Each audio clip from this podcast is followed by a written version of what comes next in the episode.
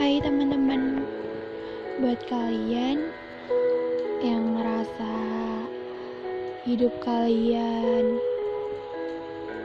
biasa-biasa aja, sedih, galau, seneng, ya apa pun itu, di sini aku bakal berbagi cerita. Mungkin gak sebagian orang bakal ngerasain ini sih, tapi mungkin kita bakal ngerasain yang sama. Jadi, siap-siap denger ya ceritaku dan cerita kamu pastinya.